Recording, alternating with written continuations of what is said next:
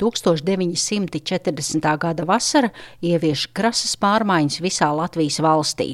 Te nodibinās jauna vara, un, protams, ka arī toreizējā Latvijas radiofonā nomainās praktiski viss repertuārs.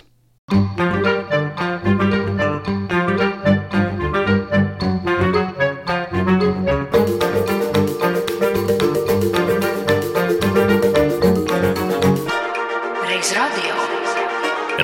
radio ar šodienas skatu pagātnē. –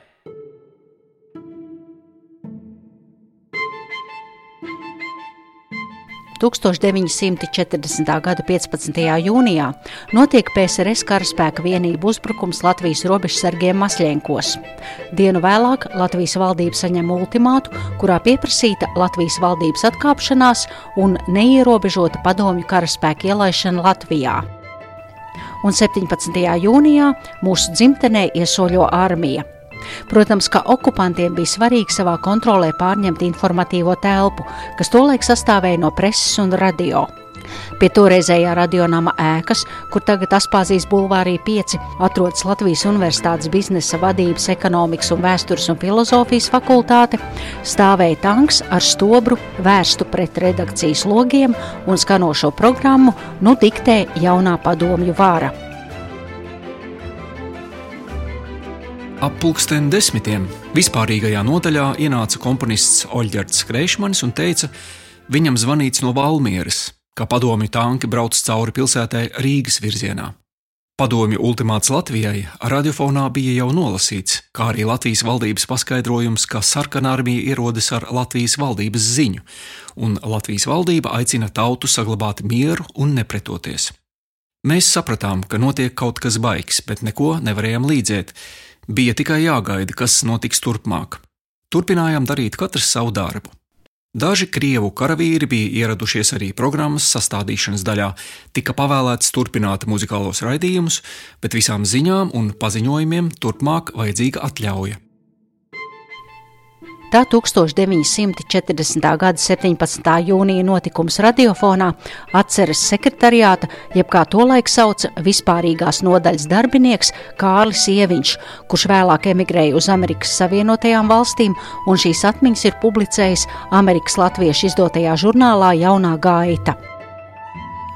Šķirstot 40. gada vasaras radioprogrammu, redzam, ka tā jau ir tikusi nodrukāta iepriekš, un lai arī Latvijā jau saimnieko komunistu vara, Latvijas vilnī vēl lasām, ka 30. jūnijā diena sākas ar svētrītu un bērzes baznīcas mācītājas prediķi, bet nedēļu vēlāk, 7. jūlija programmā, ir drukāts. Pūksteni astoņos strādnieku rīts un tajā darbu Staļina dzīve lasīs aktieris Teodors Lācis bet izdevuma pirmajās lapusēs ir raksts par Maksimu Gorkiju un Padomu Savienības mūziku, kur ir teikts, jaunākā laikā krievu mūziķi ir sarakstījuši vairākas jaunas operas. No lielā pulka atzīmēšu tikai Džeržīnska operu Klusā Dona. Sižets interesants, darbība norisinās pie Donas. Plaša vieta ir ierādīta korim un vairākas pateicīgas dziesmas tenoram, darbība ritrāiti. Vispār dziedājumi un mūzika pelna nopietnu ievērību. Šīs operas izrādes dažās valstīs radījušas vai veselu sensāciju. Un raksta beigās lūk šāda piebilde. Plašākus rakstus par krievu mūzikas vēsturi un īpaši par jaunāko laiku mūziku sniegsim turpmāk bet turpinājumā par tā laika notikumiem stāsta muzikologs Arnolds Klotiņš, kurš pētījumu par Latvijas mūzikas vēsturi ir apkopojis monogrāfijā Mūzika okupācijā - Latvijas mūzikas dzīve un jaunrade 1940-1945.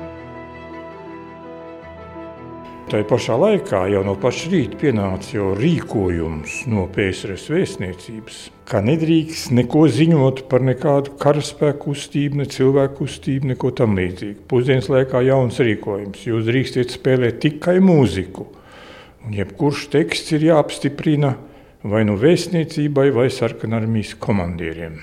Es uzreiz ceļu roku mūzika. Vai jau tika noteikts, kāda mūzika drīkstēja skanēt un kādai vajadzēja? Nu, toreiz jau to nevarēja noteikt. Kur tad nu uzreiz ņems to muziku. Toreiz jau tādu ierakstu padarīšana nebija kā tagad. Toreiz bija tikai mīkstās platītes, kuras varēja atskaņot desmit reizes. Magnetofonu tikai kara laikā ieviesās īstenībā. Tāpēc bija jāgaida skaņu plats, bet skaņu plats no Krievijas pienāca ļoti ātri. Viņas pienāca tik ātri, ka jau pēc nedēļas faktiski radiofonā bija Krievijas skaņu plats. Nu, ja programmas sastāv nedēļu iepriekš, tad jau var teikt, ka tās skaņu plats atnākuši reiz jau tankiem atvestas.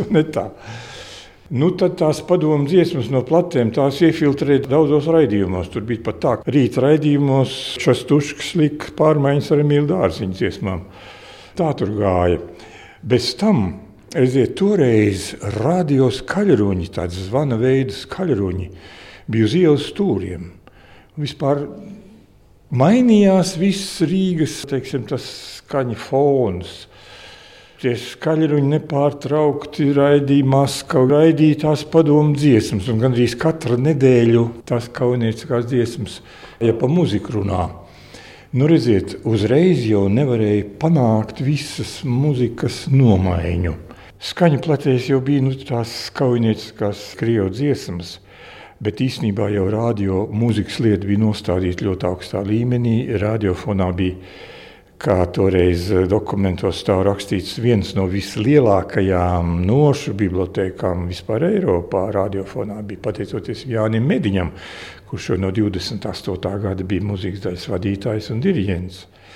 Viņam pilnvaru samazināja, jo nodibināja tā saucamo radiofikācijas un radioraidījumu komiteju, un tur bija mūzikas daļas vadītājs un galvenais redaktors, un mediņa funkcijas vairs nebija ne solistu izvēle, ne skaņdarbu iepirkšana.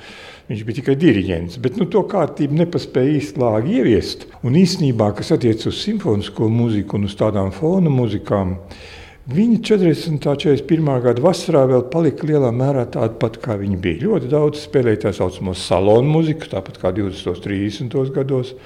Tas bija no operetēm fragmenti, dažādi aranžējumi un arī simfoniskie koncerti īstenībā. Visi jau balstījās uz dzīviem raidījumiem. Radiofons bija savs orķestris. Un īstenībā dzīvo simfonisko raidījumu skaits nesamazinājās.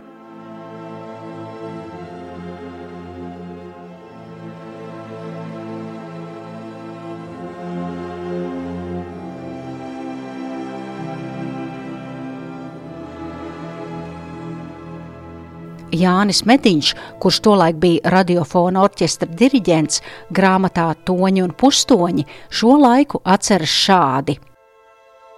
1940. gadā Latvijā ienāk krievi un jau pirmajā dienā okupēja arī radiofonu. Sākās pavisam citi laiki.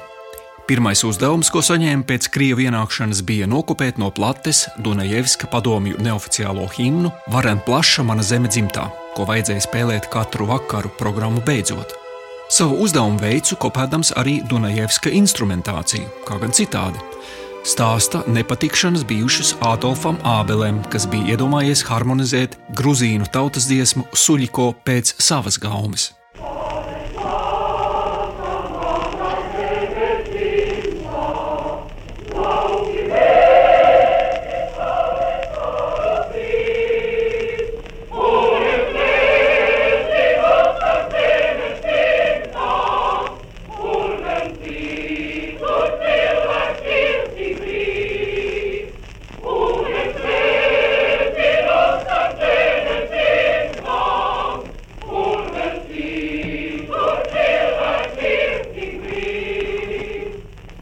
Turpinot šķirstīt radioprogrammu 1940. gadā, redzam, ka līdz 24. augustam izdevuma vāku rotā virsraksts Latvijas Vilnis, Latvijas radiofona programmas žurnāls. Un tad, sākot no 25. augusta, tas jau iznāk ar nosaukumu Radio Vilnis, Latvijas PSR radiofona programmas žurnāls.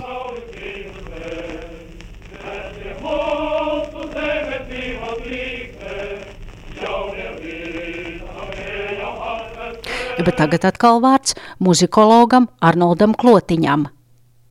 Sakojot Krievijas tradīcijām, ieviest tā saucamo kolektīvo radio.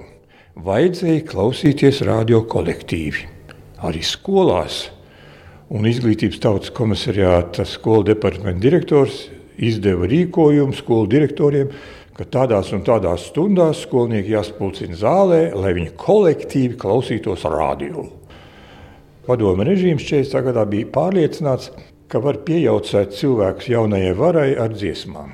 Гремела атака, и пули звенели, И ровно строчил пулемет.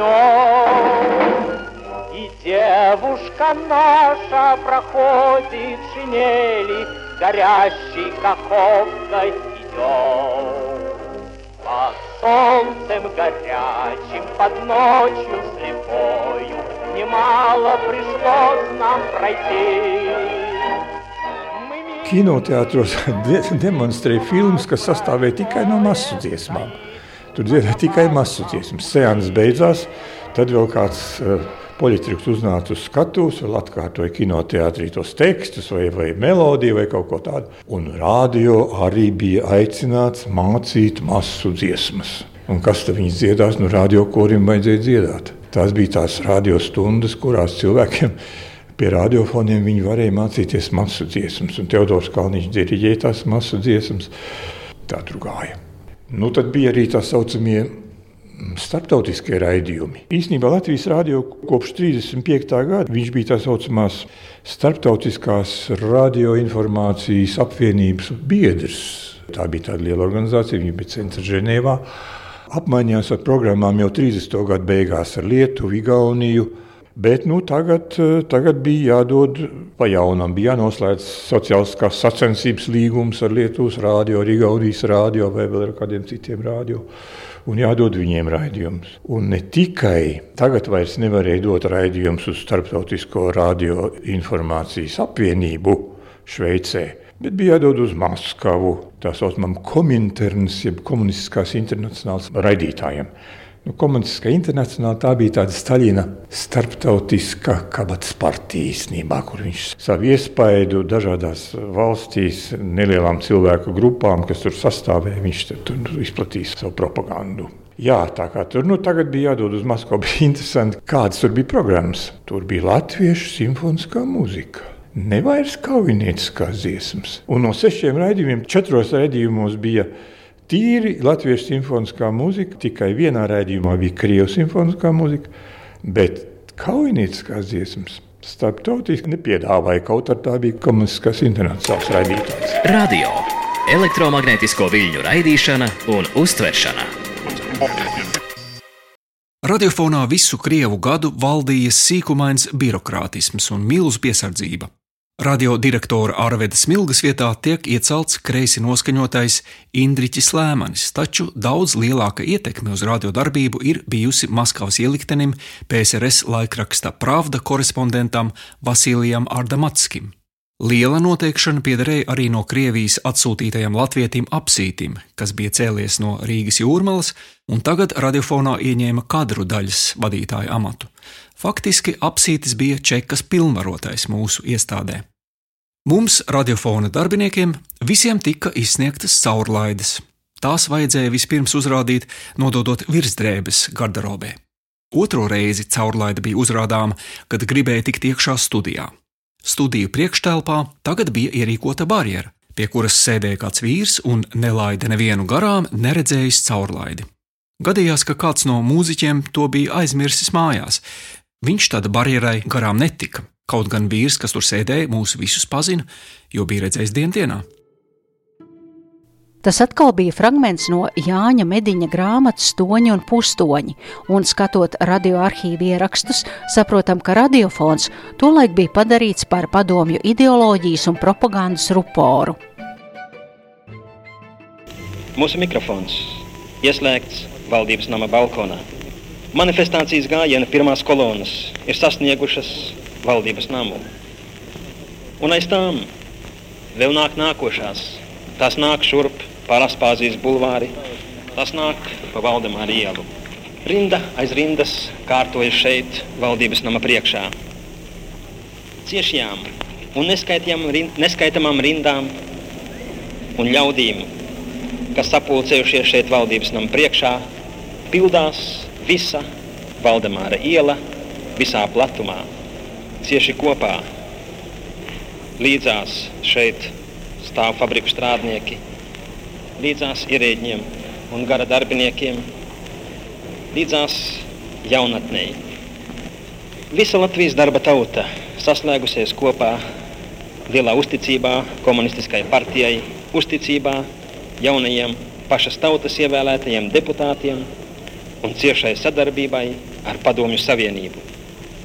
Pāri manifestācijas dalībnieku ciešajām rindām plīvo sarkanie karogi un spēcīgu roku nesti plakāti pauž tautas prasības.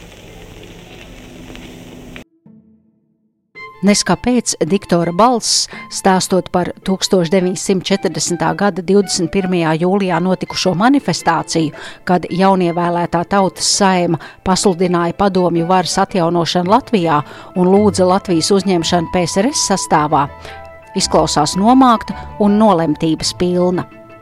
Bet nav brīnums, jo daudzi toreizējie radiofona darbinieki ir spiesti strādāt jaunā vadītāja Indriča Lēmaņa pakļautībā, kura ienākšanu radiomājā vispārīgās nodaļas darbinieks Kārlis Ieviņš atceras šādi. 23. jūnijas bija jauka saulaina svētdiena. Sēdēju direktora kabinetā, skaļrunis bija ieslēgts un pārraidīja dievkalpojumu no Māras baznīcas. Laiku kavēdams lasīja līdzpaņemto grāmatu. Ap pulksten desmitiem garderobists ieveda trīs vīrus, piecēlos un gāja viņiem pretī. Sarokojāmies, es nosaucu savu vārdu, pateicu, ka esmu radiofona atbildīgais dežurants un vaicāju, ko kungi vēlas. Pusmūža vīrs, apmēram manā augumā, vasarīgi ģērbies, pelēku, pavalkātu žaketi mugurā, atpūgātu krekla apkaklīti, teica, ka viņa vārds ir Lēmanis, un viņš atnācis, lai pārņemtu Latvijas radio vadību. Rādīja man papīra puslapu, uz kuras mašīna rakstā bija lasāms, ka Indriķis Lēmanis iecelts par Latvijas radio direktoru. Jautāju, ko vēlas divi pārējie kungi, un Lēmanis atbildēja: Tie ir mani miesasargi. Mazliet pabrīnījos, līdz šim šeit nevienam miesasargi nebija vajadzīgi. Skatījos uz Lēmaņa atnesto iecelšanas dokumentu, ko bija parakstījis 21. jūnijā ieceltais iekšlietu ministrs Vilis Lācis.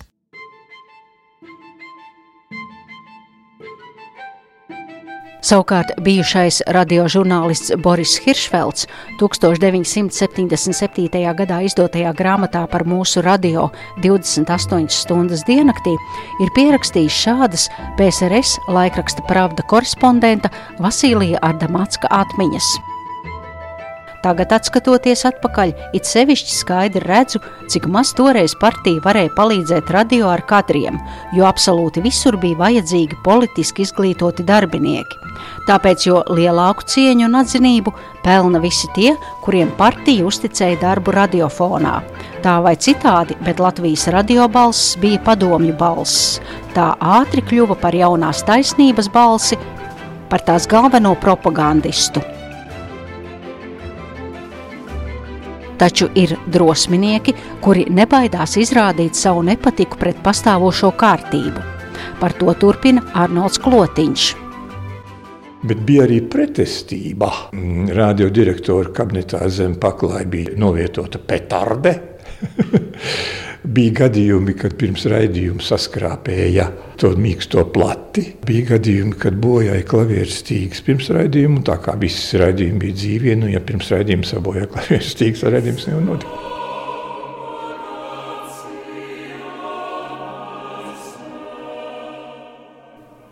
Un Arnolda Klotiņa monogrāfijā Mūzika okupācijā mēs atrodam šādas rindas. Žurnāla Halo Latvija 1941. gada 20. jūlija numurā ir publicēts materiāls, ko rakstīja klausītāji radiofonam bolševiku laikā. Un lūk, tur ir publicēta šāda vēstule. Augsti godāts direktor, piedodat, ka es, vecs latviešu strādnieks, jūs traucēju. Lieta tā, ka mums, latviešu strādniekiem, nemaz negribas tik daudz tās krievu mūzikas un strinkšķināšanas, jo mums pašiem ir savas dziesmas un savi mākslinieki. Tā mūsu brīvība tak nebūs domāta kā latviešu pārkrievošana, kā tas bija cara laikos.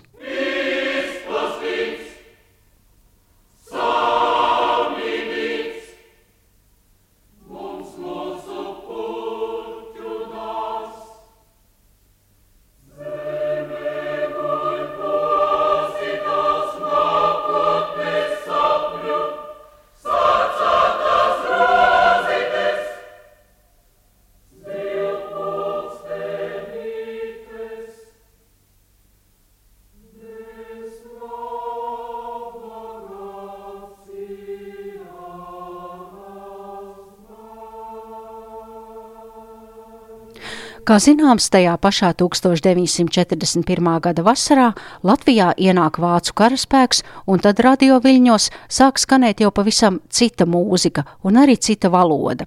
Bet tas jau ir cits stāsts citai reizei.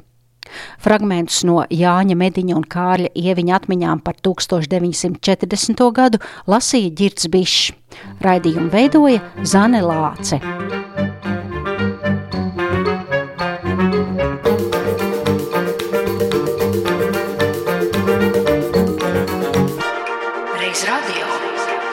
Reiz radio ar šodienas skatu pagātnē.